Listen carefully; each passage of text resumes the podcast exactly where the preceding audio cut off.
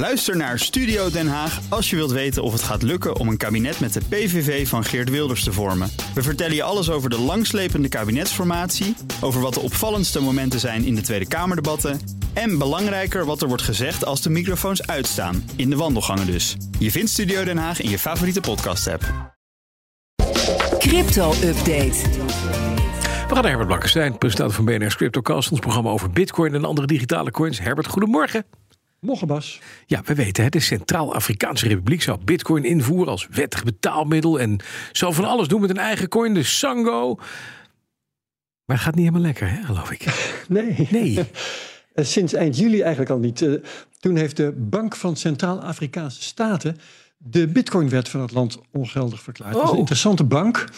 Die eh, eh, beheert de Centraal-Afrikaanse frank. En dat is een munt die in zes staten het geldig betaalmiddel is. Het stamt zelfs nog af van de Franse frank. Terwijl Frankrijk die frank niet meer heeft, zoals je weet. Ja. Ja, de bank nam daarmee eigenlijk wraak. Want ze waren tot op het laatste moment onkundig gehouden van die hele bitcoinwet. En vonden dat uiteraard niet zo leuk. Nee, en met die Sango, zei ik al, hebben die eigen crypto-coin van de Centraal-Afrikaanse Republiek. Gaat het ook niet zo heel erg lekker, geloof ik. Nee, nee helemaal niet. Nee. Die eh, zou een rol gaan spelen in het tokeniseren van de delfstoffen van het land. Ja.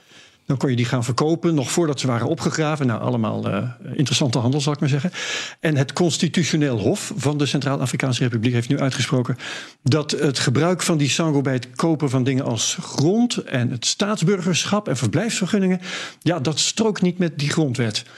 Ehm, het ging er bijvoorbeeld om dat je voor 60.000 dollar een staatsburgerschap zou moeten kunnen kopen. Ehm, als je ook nog eens een keertje een dergelijk bedrag in Sango in onderpand zou geven. En een verblijfsvergunning zou dan 6000 dollar kosten op die manier. Maar van het eh, Constitutioneel Hof mag dat niet, omdat een staatsburgerschap geen marktwaarde heeft. Nou, wat, wat dat betekent in de context van de Centraal-Afrikaanse wet, dat weet ik niet precies hoor. Maar de bottomline is dus dat het plannetje ook niet doorgaat. Nee, dus eh, is het gewoon einde verhaal voor wat betreft Centraal-Afrikaanse Republiek en iets met crypto? Ehm, nou, niet helemaal. De bitcoin als betaalmiddel moet in elk geval wachten op eh, de juiste regulering vanuit die bank. En dat kan wel even duren, want wat heeft die bank nou, daar nou voor belang bij? Ehm, wel heeft de president van het land gezegd, hij heet Faustin Archange Touadéra, ik probeer dat nog altijd uit mijn hoofd te leren. Ehm, die eh, zegt verder te zoeken naar manieren om mensen die in die Sango investeren te helpen aan grond en aan staatsburgerschappen. en de bedoeling daarvan is natuurlijk om, ja, om die Sango een beetje te verkopen.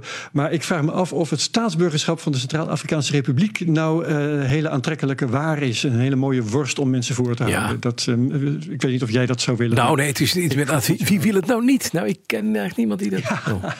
Om erbij te hebben misschien. Hè? Ja, leuk voor erbij. Ja. Oh, ik ben ook nog eh, ja, iemand van eh, de Centraal-Afrikaanse Republiek. Nee, oké. Maar Geert Wilders vindt dat niet goed waarschijnlijk. Maar dus pas een beetje. Oh, dat mag niet. Ja, dus dubbele nationaliteit. Ja, dubbele, ja, Nee, oké. Dan een ander succesnummer, de NFT's, de Non-Fungible Tokens. zeker. Er is een nieuwe ranglijst van bedrijven met de meeste omzet in NFT's.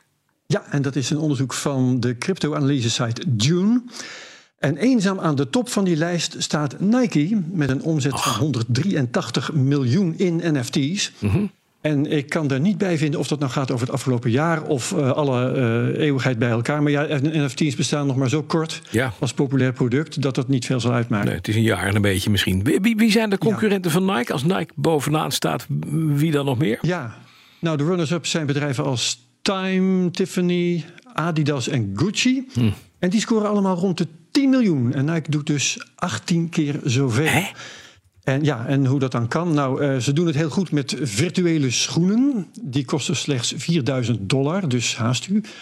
Eh, maar de- een leeuwendeel komt van de aankoop van Artifact Studios. En dat is een compleet NFT bedrijf. En dat draagt meteen tientallen procenten bij aan die omzet van Nike op dit gebied. Dus dat, dan gaat het snel. Virtuele schoenen. Ja, nou, we Ja. kunnen dus een staatsburgerschap van de Je hoeft ze Centraal-Afrikaanse niet eens aan te trekken, zo makkelijk. Het is zo makkelijk. is. En dan draag je dus je. Nou, oké. Nog een waarschuwing van de directeur van het bedrijf Ledger. Dat is de maker van hardware wallets. Vertrouw je coins niet toe aan derden.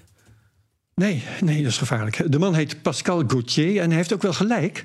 Ja. Maar hij denkt natuurlijk ook, laat ik het ijzer smeren Ja, als het heet is. Ja. Want ja, met het debakel rond Celsius en zo, al die andere omvallende leendiensten, eh, weten we nu. Het is soms riskant als je crypto buiten de deur stalt, zeker als je de voorwaarden niet leest.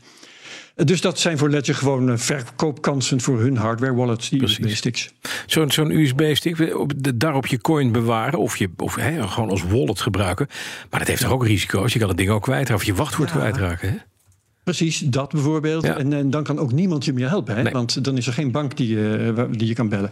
Uh, ja, ik, ik zou mensen aanraden om wat dat betreft risico's te spreiden. Als je zoveel crypto hebt dat je wat te verliezen hebt ja, bewaar dan een deel op zo'n hardware wallet en een deel bij een online dienst. Hè, want uh, die gaan dan nooit allebei kapot. En lees dan de voorwaarden wel goed. Ja. Maar um, wat, ingewijden, ja. wat ingewijden het merk Ledger nog nadragen, dat is wel interessant om te weten, is dat ze twee jaar geleden zelf hun data niet zo goed hadden beveiligd. Mm -hmm. En toen zijn de gegevens van 272.000 klanten gestolen en gepubliceerd op een hackersforum, zodat de hele criminele wereld nou weet wat de fysieke adressen zijn van 272.000 uh, mensen met genoeg crypto om er zo'n hardware wallet voor te kopen. Ja, dus uh, Ledger heeft wel boter op zijn hoofd. Dat dacht ik. Dan, wat heb je in de CryptoCast deze week? Het onderwerp is crypto en voetbal. Dat is ook wel eens leuk nu de competities uh, weer begonnen zijn. Het gaat over sponsors, over fan-tokens, over NFT's, toch weer.